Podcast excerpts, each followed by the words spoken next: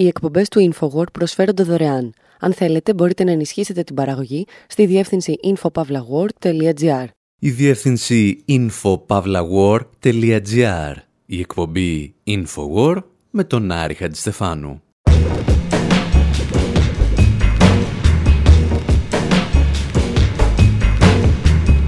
Όπου σήμερα αναρωτιόμαστε πόσο πιθανό είναι να δημιουργηθεί ένα πλήρως φασιστικό κράτος μεταξύ των χωρών του αναπτυγμένου Βορρά. Παρακολουθούμε έναν υπουργό της Ισραηλινής κυβέρνησης να αποκτά το προσωπικό του σώμα πρετοριανών και αναρωτιόμαστε σε ποιο σημείο θεωρούμε μια δημοκρατία κλινικά νεκρή. Ταξιδεύουμε στα χρόνια της Ρωμαϊκής Αυτοκρατορίας για να συναντήσουμε την Πρετοριανή Φρουρά και να θυμηθούμε το πέρασμα από τη Δημοκρατία στην Αυτοκρατορία. Και ύστερα διηγούμαστε ιστορίες για ομάδες πολιτοφυλακής που παίρνουν τον νόμο στα χέρια τους για να υπηρετήσουν τα συμφέροντα των ισχυρών.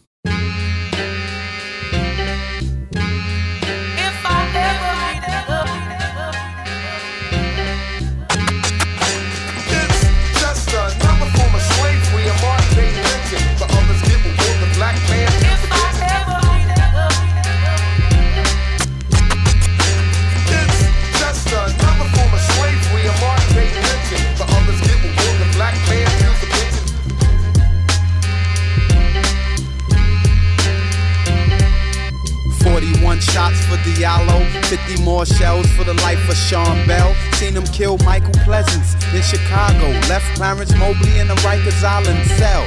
We need say. Talking about hell up in the BK, fly tie shot in the back. Even killed two more after that. The innocent die when police drive by, it's a fact. I'm hoping they don't stop. I'm just posted up, chilling, not dealing, not feeling like being harassed. Where I live, what I did. Put your hands on the car. I'm like, nah, rap stars, what I is.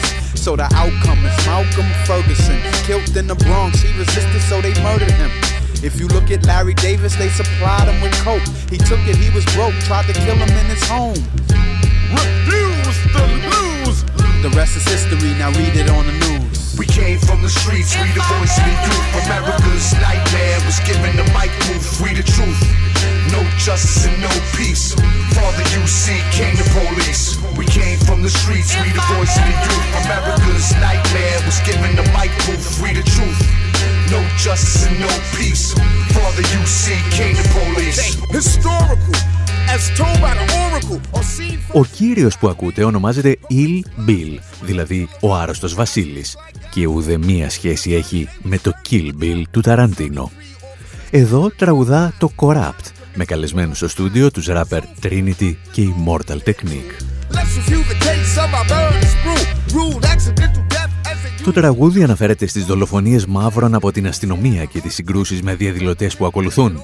Και όταν έρχεται η σειρά του, ο Immortal Technique λέει όπως πάντα μερικές πολύ πολιτικές κουβέντες που συνοψίζουν όλα όσα θέλουμε να πούμε σε αυτή την εκπομπή.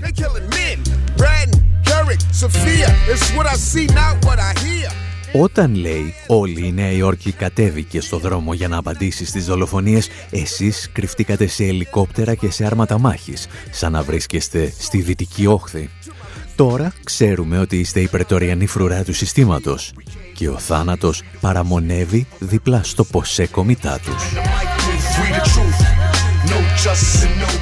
Το Ποσέ Κομιτάτους είναι μια παλιά αρχή των Ηνωμένων Πολιτειών που επιτρέπει στον Σερίφη να στρατολογεί απλούς πολίτες για αστυνομικά καθήκοντα.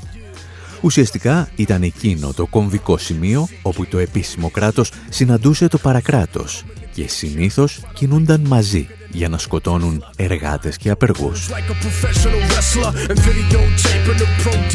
Η πρετοριανή φρουρά για την οποία μιλούσε το τραγούδι ήταν βέβαια η προσωπική ασφάλεια των στρατηγών και των αυτοκρατόρων στην αρχαία Ρώμη. Και για να συνδέσουμε αυτές τις έννοιες πρέπει να επιστρέψουμε στο 275 π.Χ.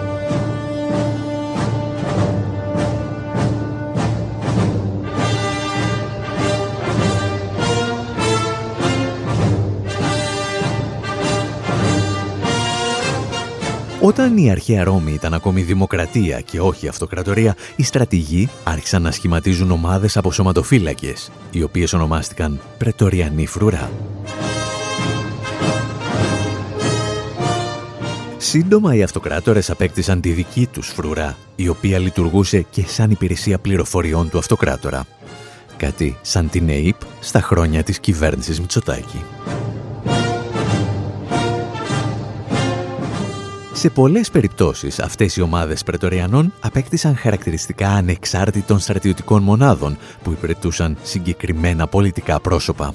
Ήταν το βαθύ κράτος που έπαιξε καθοριστικό ρόλο και στο πέρασμα από τη δημοκρατία στην αυτοκρατορία, από το Republic στο Imperium. Και αν νομίζετε ότι αυτές είναι ιστορίες από το μακρινό παρελθόν, θα θέλαμε να μας ακολουθήσετε σε ένα ταξίδι στο σημερινό Ισραήλ.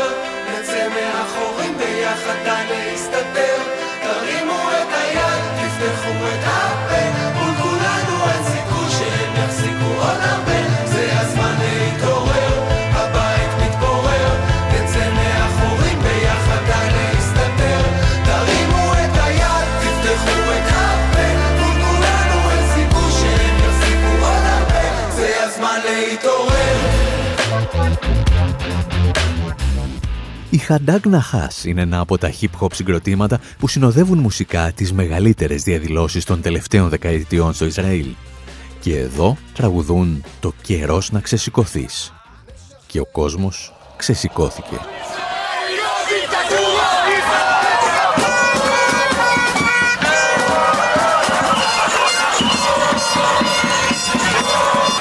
Πρόσφατες κινητοποιήσεις εναντίον της προσπάθειας του Νετανιάχου να αποκτήσει ολοκληρωτικό έλεγχο της δικαστικής εξουσίας είναι ίσως οι μεγαλύτερες από την ίδρυση του Ισραηλινού κράτους. Μόνο που αυτός ο ξεσηκωμός ήταν γεμάτος αντιφάσεις.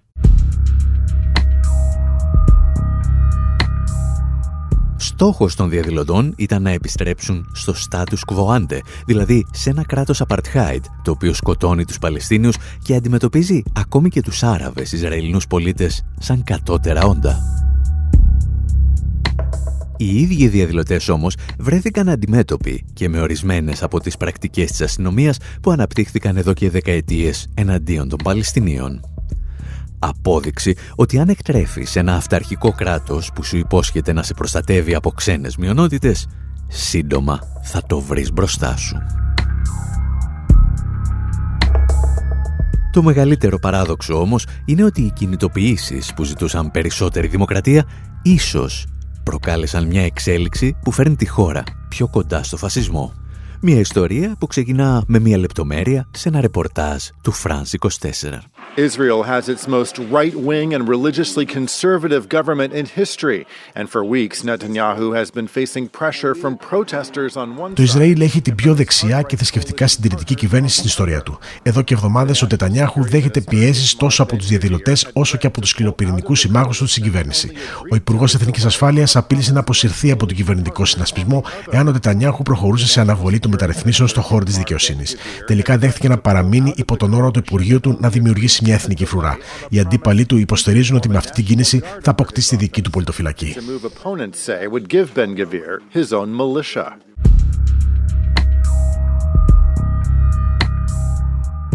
Σε γενικές γραμμές, σε μια δημοκρατία, καλό είναι οι υπουργοί να μην έχουν τη δική τους πολιτοφυλακή. Και αν δεν καταλαβαίνετε γιατί, προσπαθήστε για λίγο να σκεφτείτε τον Γεωργιάδη, τον Βορύδη ή τον Πλεύρη με το δικό τους ένοπλο τμήμα.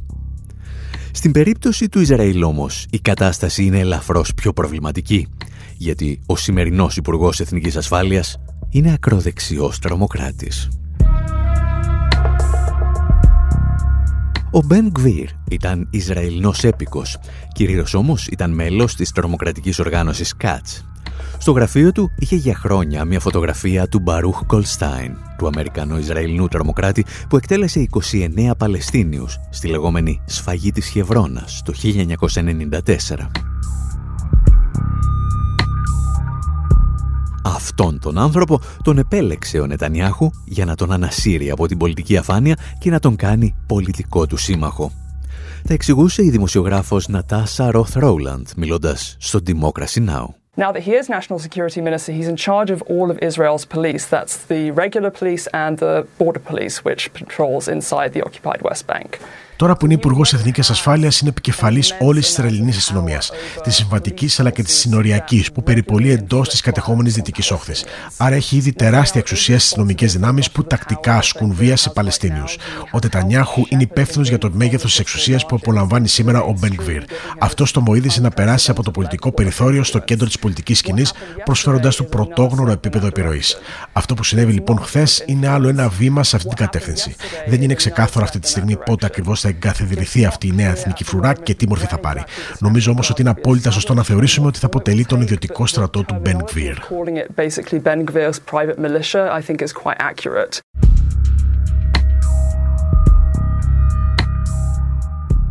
Ένα από τα πολλά προβλήματα της εθνοφρουράς που θα δημιουργήσει ο Μπεν Γκβίρ είναι ότι εκτός από αστυνομικοί και στρατιώτες θα συμμετέχουν και εθελοντές έπικοι. Και υπό αυτή την έννοια, εξηγούσε ο Παλαιστίνιος αναλυτής Ιουσέφ Μουναγέρ, η πολιτοφυλακή υπάρχει ήδη. Απλώς τώρα θα θεσμοθετηθεί. Ben Gvir's militia has long existed uh, in the West Bank and in these settlements. Η πολιτοφυλακή του Μπεν Γκβίρ υπάρχει εδώ και καιρό στη Δυτική Όχθη και στους παράνομους οικισμούς, όπου οι έπικοι επιτίθενται με βία στους Παλαιστίνιους, κάποτε μαζί και κάποτε με την ανοχή του Ισραηλινού στρατού. Μην έχετε αυταπάτες. Αυτοί οι άνθρωποι θέλουν να βλάψουν και να εξαλείψουν τον Παλαιστινιακό λαό και το λένε ανοιχτά. Αυτού του είδους η γενοκτονική ρητορική θα έχει τώρα τη στήριξη ενός υπουργού με τρόπους που δεν την είχε νωρίτερα.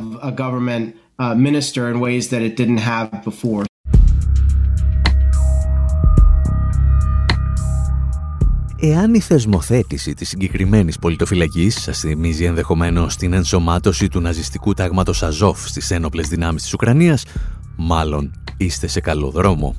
Γιατί, όπως εξηγούσε η Νατάσα Ροθ Ρόουλαντ, οι εθελοντές που θα συμμετέχουν ευθύνονται ήδη για φρικαλαιότητες που συντελούνται εναντίον των Παλαιστινίων.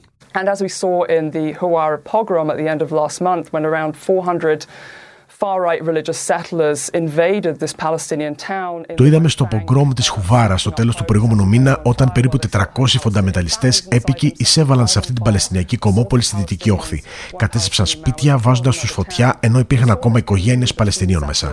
Πυρπόλησαν αυτοκίνητα και επιτέθηκαν σε Παλαιστίνιους. Είδαμε αυτή τη συμπεγνία μεταξύ επίκων και δυνάμεων ασφαλείας του Ισραήλ. Βλέπουμε αυτόν τον συνδυασμό επίκων, στρατιωτών και της Ισραηλινής αστυνομίας είτε να συνεργάζονται σε επιθέσεις στους Παλαιστίνιους, είτε οι δυνάμεις ασφαλεία απλά να στέκονται στο πλευρό τους. Αν σκεφτούμε λοιπόν ότι αυτός ο συνδυασμός θα πάρει τη μορφή μιας νέας εθνικής φρουράς, πρόκειται για μια τρομακτική προοπτική.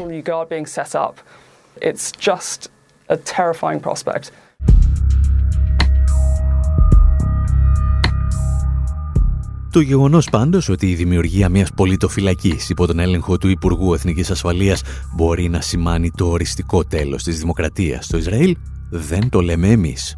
Το είπε πρώτος ο πρώην αρχηγός της αστυνομίας, Μωσέ Καραντή. So he has wanted a National Guard under his control from the beginning. It was part of his election manifesto. Ήθελε πάντα να έχει μια εθνική φρουρά υπό τον έλεγχό του και το εξηγούσε και στο προεκλογικό του μανιφέστο. Επειδή δεν τα κατάφερε, προσπαθούσε να αποκτήσει απόλυτο έλεγχο της αστυνομίας και φυσικά ως υπουργός ήταν υπεύθυνος για την αστυνομία. Με αυτή την εξέλιξη λοιπόν εκπληρώνει το όνειρό του.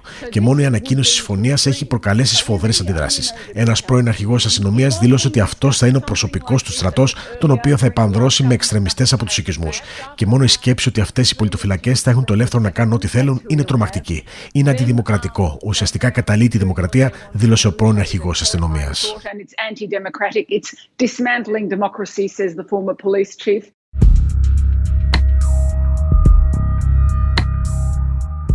Όταν ο πρώην αρχηγός της αστυνομίας κάνει λόγο για κατάλυση της δημοκρατίας και όταν πρώην πρωθυπουργοί όπως ο Εχούντ Μπάρακ προειδοποιούν για την εγκαθίδρυση ενός φασιστικού καθεστώτος στο Ισραήλ, τα πράγματα ίσως δεν πάνε πολύ καλά. Και είναι από εκείνες τις στιγμές που δεν κρίνεται μόνο ένα καθεστώς, αλλά και η συμμαχή του. Εσείς πάλι μένετε εδώ γιατί στο δεύτερο μέρος της εκπομπής θα διηγηθούμε μια παρεμφερή ιστορία από διαφορετική οπτική γωνία. Θα θυμηθούμε τις ομάδες πολιτοφυλακής που αναπτύσσονταν στις Ηνωμένες Πολιτείες, όταν ακόμη ήταν δημοκρατία και πριν μετατραπούν σε Ιμπέριουμ.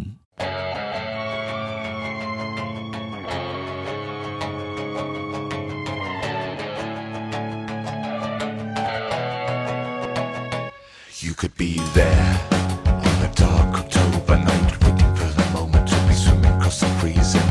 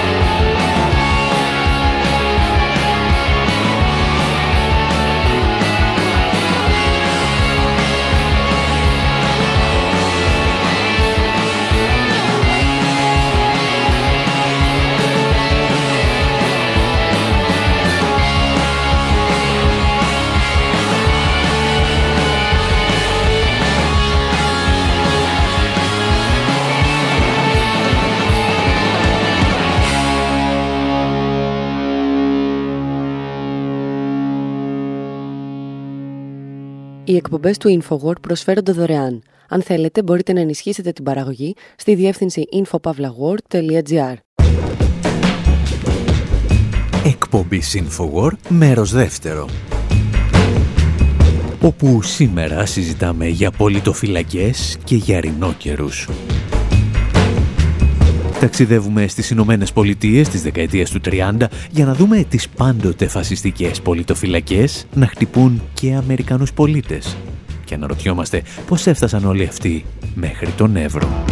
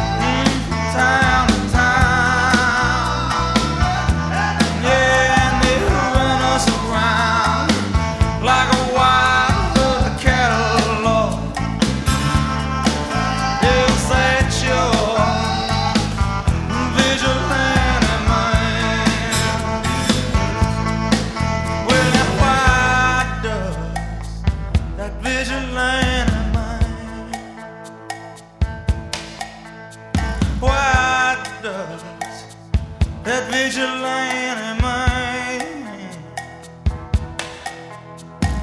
Carry that in his hand.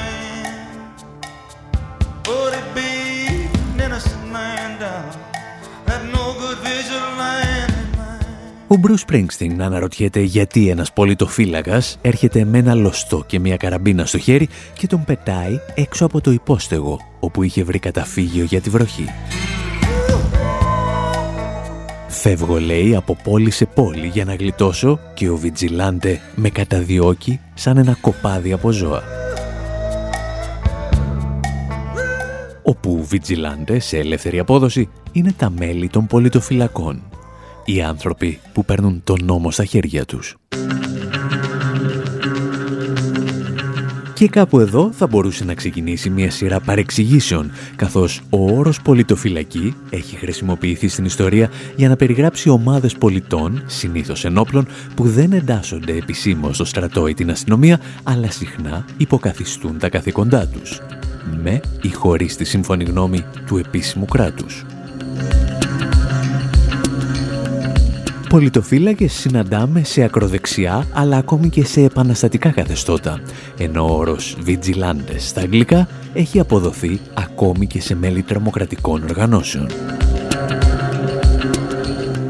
Γι' αυτό, στο εξής για τη συγκεκριμένη εκπομπή, με τον όρο πολιτοφυλακή θα αναφερόμαστε μόνο στα μέλη ακροδεξιών ομάδων ενόπλων που αποφασίζουν να πάρουν τον νόμο στα χέρια τους για να χτυπήσουν μετανάστες, πρόσφυγες, εργάτες, άστεγους ή μέλη φιλετικών μειονοτήτων. Και ξέρουμε πολύ καλά ότι αυτούς ακριβώς είχε στο μυαλό του και ο Μπρους Springsteen. Γιατί στην πραγματικότητα το τραγούδι του είναι απλώς μια διασκευή του περίφημου Vigilante Man που παρουσίασε ο Woody Guthrie το 1940.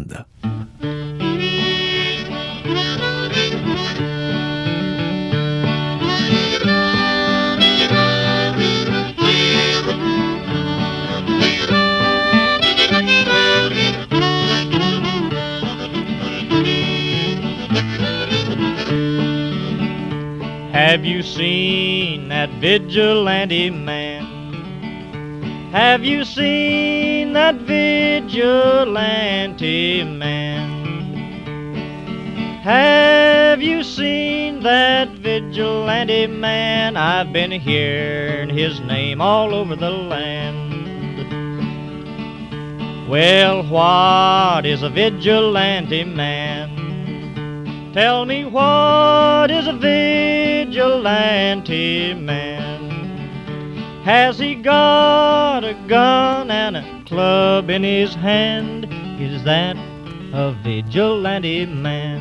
Το πρωτότυπο τραγούδι του Woody Guthrie ανήκει στη συλλογή Dust Bowl Ballads, τα τραγούδια που έγραψε για τις αμοθίελες που σάρωναν τις μεσοδυτικές πολιτείες των Ηνωμένων Πολιτειών τη δεκαετία του 30 αμοθίελες, τις οποίες παρεπιπτόντως προκάλεσε η υπερεκμετάλλευση του εδάφους και οι μονοκαλλιέργειες, τις οποίες είχε επιβάλει το κυρίαρχο οικονομικό σύστημα από το τέλος του Πρώτου Παγκοσμίου Πολέμου.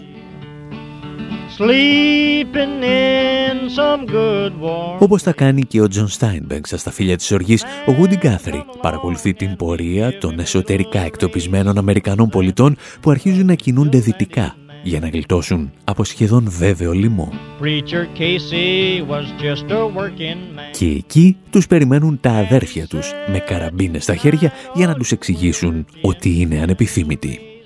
Όπως τα κάνουν με τον ιεροκήρυκα Preacher Casey στα σταφύλια της οργής.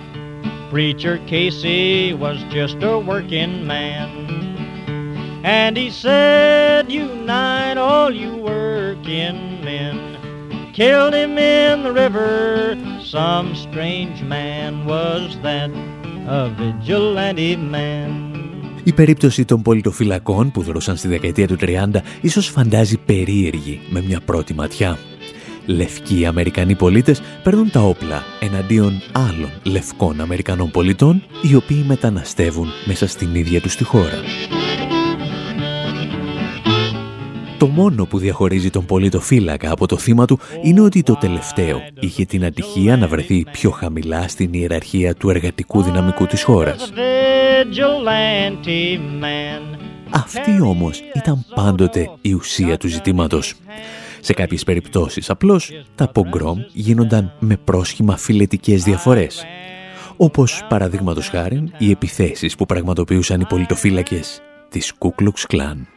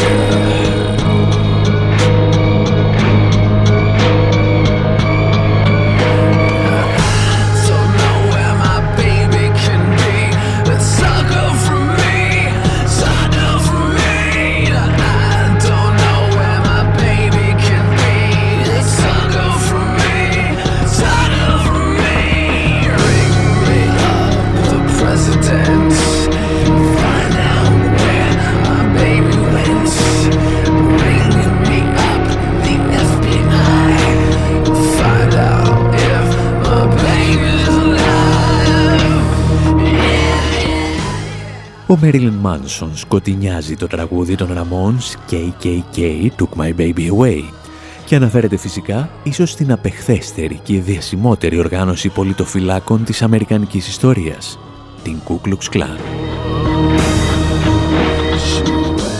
Φαινομενικά, σε αυτή την περίπτωση, ο άλλος με το αλφα κεφαλαίο, ο εχθρός του πολιτοφύλακα, είναι μαύρος, οπότε τα αίτια της σύγκρουσης είναι φιλετικά και όχι ταξικά. Μην αφήνετε όμως ποτέ τα χρώματα να σας παρασύρουν. Η Κούκλους Κλάν θα γεννηθεί το 1865 από στρατιώτες του Νότου. Το όνομά της προκύπτει από την ελληνική λέξη κύκλος και το κλάν, δηλαδή την φατρία. Η πρώτη γενιά της οργάνωσης θα δράσει στην Αμερικανική Ήπεθρο. Επιτίθεται, εκτελεί και βιάζει μαύρους που μόλις έχουν απελευθερωθεί από τη δουλεία. Ή τουλάχιστον έτσι τους είχαν πει. Και σε αυτήν την περίπτωση δηλαδή, οι πολιτοφύλακες αποτελούν ένα μηχανισμό ελέγχου της νέας αγοράς εργασίας που προκύπτει. Και φυσικά χτυπούν τους πλέον απροστάτευτους εργάτες στην αλυσίδα.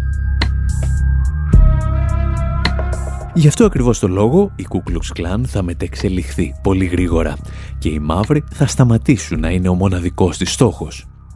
Δανειζόμαστε γι' αυτό μερικές κουβέντες από ντοκιμαντέρ του History Channel για την οργάνωση. In the 20s, a strong portion of America felt invaded. Στη δεκαετία του 20, ένα μεγάλο μέρος του πληθυσμού ένιωσε ότι απειλείται από μετανάστες και τους καθολικούς που έφταναν από άλλες χώρες. Κάποιοι ήθελαν να επαναφέρουν την Αμερική που γνώριζαν και η Ku Klux Klan τους υποσχέθηκε ακριβώς αυτό.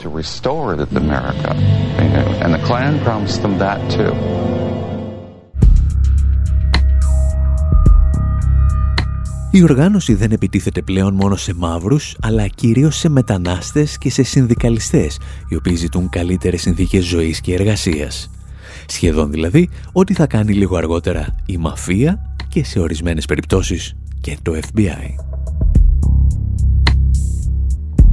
Προφανώς, ένας τέτοιος παρακρατικός μηχανισμός θα ήταν σχεδόν αδύνατο να λειτουργήσει εάν δεν είχε τη στήριξη του ίδιου του κράτους, αλλά και των μέσων ενημέρωσης της εποχής. Δεν είναι φυσικά τυχαίο ότι η πρώτη μεγάλη υπερπαραγωγή του αμερικανικού κινηματογράφου είναι αφιερωμένη στην Ku Klux Klan. Λέγεται Birth of a Nation, η γέννηση ενός έθνους. Μας τα εξηγούσαν όμως καλύτερα τα ντοκιμαντέρ του History Channel. The Birth of a Nation was released in the South. D.W. Griffith's film played to sold-out theaters. Η ταινία «Η γέννηση ενός έθνους» του Γκρίφιθ προβαλόταν στι κατάμεστες κινηματογραφικές αίθουσε του Νότου. Από τεχνικής απόψεως ήταν μια εξαιρετική δουλειά. Από ιστορικής απόψεως όμως δεν ήταν. Στην ταινία, η Ku Klux Klan παρουσιάζεται σαν μια ηρωική δύναμη που σώζει λευκές γυναίκες από μαύρους που επιχειρούν να τις βιάσουν. Οι μαύροι που μόλις έχουν απελευθερωθεί από τη δουλεία εμφανίζονται σαν ζώα, σαν κτίνη. Η οργάνωση λοιπόν εμφανίζεται ηθικά εξαγνισμένη. It's a heroic force. It's a noble force. Despite its historical inaccuracies, the film gained legitimacy after President Woodrow Wilson screened the epic in the White Παρά τις ιστορικές ανακρίβειες, η ταινία απέκτησε κύρο όταν ο πρόεδρος Wilson αποφάσισε να την προβάλλει μέσα στο Λευκό Οίκο. Είναι σαν να γράφει την ιστορία με κεραυνούς, είπε ο Αμερικανός πρόεδρος και συμπλήρωσε. Λυπάμαι που αυτή η ιστορία είναι τόσο αληθινή. is that it is also terribly true. Για να ανακεφαλαιώσουμε λοιπόν, οι πολιτοφύλακες των Ηνωμένων Πολιτειών χτυπούσαν άλλοτε μαύρους, άλλοτε μετανάστες και άλλοτε λευκούς Αμερικανούς πολίτες. Αυτό που ένωνε τα θύματα τους ήταν ότι βρίσκονταν πάντα στο κατώτερο σκαλοπάτι της εργασιακής ιεραρχίας. Το χρώμα, η φύλη και η θρησκεία έπαιζαν συνήθως δευτερεύοντα ρόλο. Σε όλη αυτή τη διαδικασία τα τάγματα εφόδου απολάμβαναν είτε την ανοχή είτε την έμπρακτη στήριξη του κρατικού μηχανισμού αλλά και των μέσων ενημέρωσης, τα οποία εξυμνούσαν τη δράση τους. Κάτι σαν ακούς δελτίο ειδήσεων του Star Channel, καθώς ομάδες ενόπλων αναπτύσσονταν στα ελληνοτουρκικά σύνορα. Από το Δέλτα του Εύρου και τις σφαίρες κανείς δεν κοιμήθηκε. Όλοι ήταν σε συναγερμό. Στόχος να κρατηθούν ασφαλή τα σύνορά μας. Σε κάθε πέρασμα του Εύρου και μία ομάδα Ελλήνων. Εθνοφύλακες, στρατός, αστυνομία και απλοί πολίτες. Σημείο κίνηση για τις νυχτερινές περιπολίες στο Δημαρχείο στις Σφαίρε. Στη λίστα των εθελοντών για την περιφρούρηση συμμετέχουν περισσότερα από 500 άτομα. Έχουν μοιραστεί σε ομάδες των 10 για να μπορούν να συντονίζονται εύκολα. Και κάθε ομάδα ξέρει ποια περιοχή θα χτενίσει. Για να επιστρέψουμε όμως στην άλλη πλευρά του Ατλαντικού, οι πολιτοφύλακες, όπως εξηγήσαμε, αποτελούσαν εν τέλει ένα εργαλείο για τη ρύθμιση της αγοράς εργασίας σε βάρος πάντα των πιο αδύναμων κρίκων της αλυσίδας. Αντίστοιχες πολιτοφυλακές θα γεννήσει ο Ιταλικός φασισμός και ο Γερμανικός ναζισμός. Ο Μουσολίνη μάλιστα θα στηρίξει την άνοδό του στην εξουσία σε αυτές ακριβώς τις ομάδες ενόπλων οι οποίες σκότωναν εργάτες για λογαριασμό βιομηχάνων, όπως ο Ανιέλη. Στις Ηνωμένες Πολιτείες, αντίστοιχες πολιτοφυλακές θα αναπτυχθούν τη δεκαετία του 30 για να σπάσουν τις απεργίες στις μεγάλες βιομηχανίες της χώρας. Και μία από αυτές τις απεργίες που άλλαξε για πάντα την αμερικανική οικονομία έγινε στα εργοστάσια της General Motors στο Flint του Michigan το 1936. Για έξι εβδομάδες οι εργαζόμενοι κρατούσαν τα εργοστάσια υποκατάληψη με συνεχείς συγκρούσεις με την αστυνομία και το στρατό που επιτίθονταν με δακρυγόνα και γκλόμπς.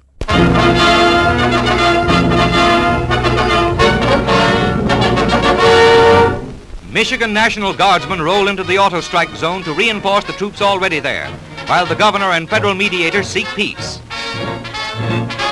These soldiers at Flint, marching into the General Motors area to maintain law and order, seized this sound truck from which agitators were shouting instructions to pickets. Τα επίκαιρα της εποχής περιέγραφαν την ανάπτυξη στρατιωτικών δυνάμεων εναντίον των απεργών της General Motors. Αυτό που δεν έλεγαν είναι πως όταν αποχωρούσε η αστυνομία και ο στρατός ερχόταν η Μαύρη Λεγεώνα. Ομάδες τραμπούκων με όπλα και λοστούς στα πρότυπα της Ku Klux Klan, οι οποίοι εργάζονταν τώρα για λογαριασμό της General Motors. Για την ιστορία πάντως, οι εργαζόμενοι στη General Motors θα κερδίσουν τελικά την απεργία και θα αλλάξουν για πάντα τις εργασιακές σχέσεις στις Ηνωμένες Πολιτείες. Δημιουργούνται έτσι τα πρώτα μεγάλα συνδικάτα εθνικής εμβέλειας, ενώ κερδίζεται το δικαίωμα στις συλλογικές συμβάσεις.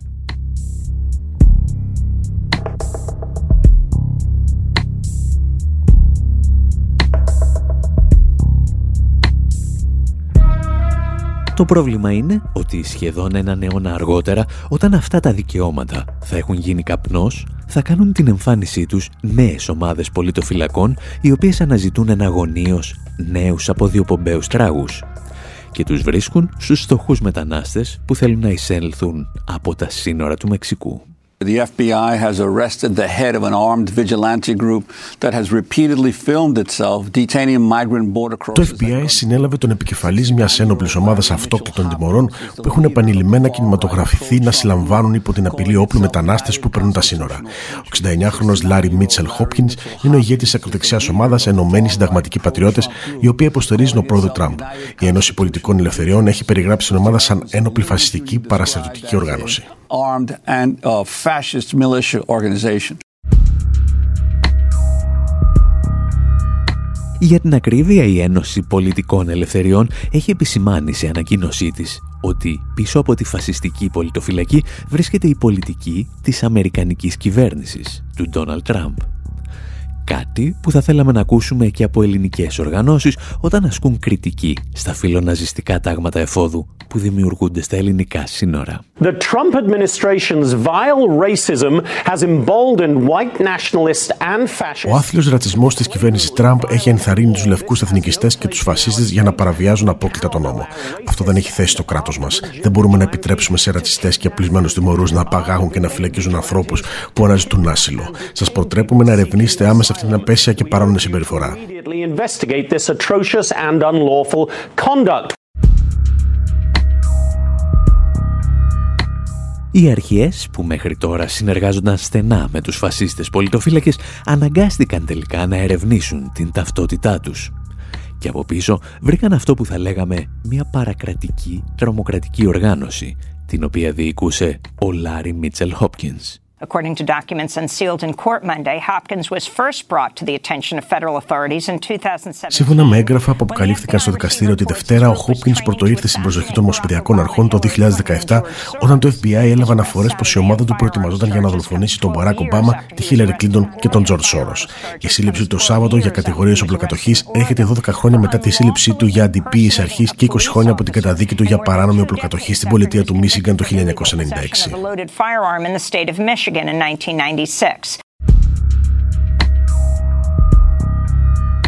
Εάν αναρωτιέστε λοιπόν τι άλλαξε από την εποχή της Κούκλουξ Κλάν και των πολιτοφυλακών που χτυπούσαν Αμερικανούς μετανάστες, η απάντηση είναι τίποτα. Οι ίδιοι φασίστες χτυπούν φτωχούς εργάτες που τώρα τυχαίνει να είναι Μεξικανοί. Εμείς πάλι κάπου εδώ λέμε να σας αφήσουμε και για αυτή την εβδομάδα. Να μας ψάχνετε στη διεύθυνση info.pavlawar.gr και να μας ακολουθείτε στα social media που θα βρείτε εκεί. Από τον Άρη Χατζηστεφάνου στο μικρόφωνο και τον Δημήτρη Σταθόπουλο στην τεχνική επιμέλεια, γεια σας και χαρά σας.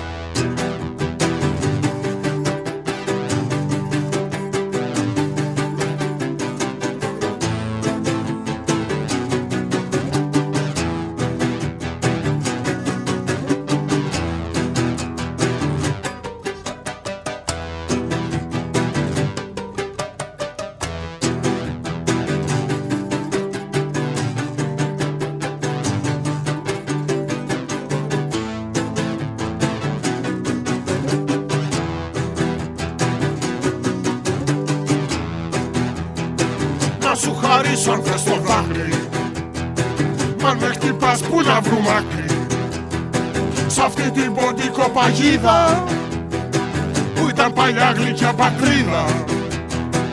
Ακόμα κι αν σου φταίει αυτός που ακούς να κλαίει. Με κυροζήνια πας να σβήσεις τη φωτιά. Καρβούνο αμέσως θα γεννείς. Κι εσύ κι αυτός κι αυτοί κι εμείς. Καρβούνος σκέτο θα γεννείς. κι ούτε που θα ξαναφανείς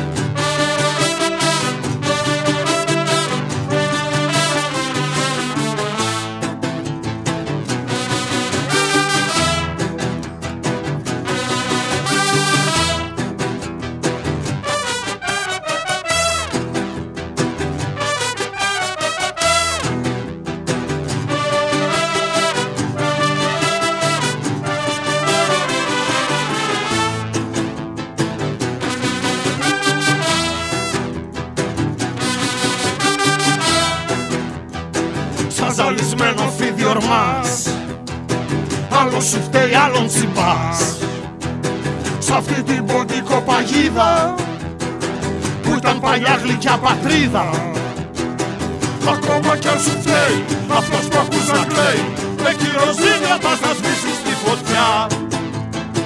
Καρβούνο μέσος θα γεννείς Κι εσύ κι αυτός κι αυτοί κι εμείς. Καρβούνο σκέτο θα γεννείς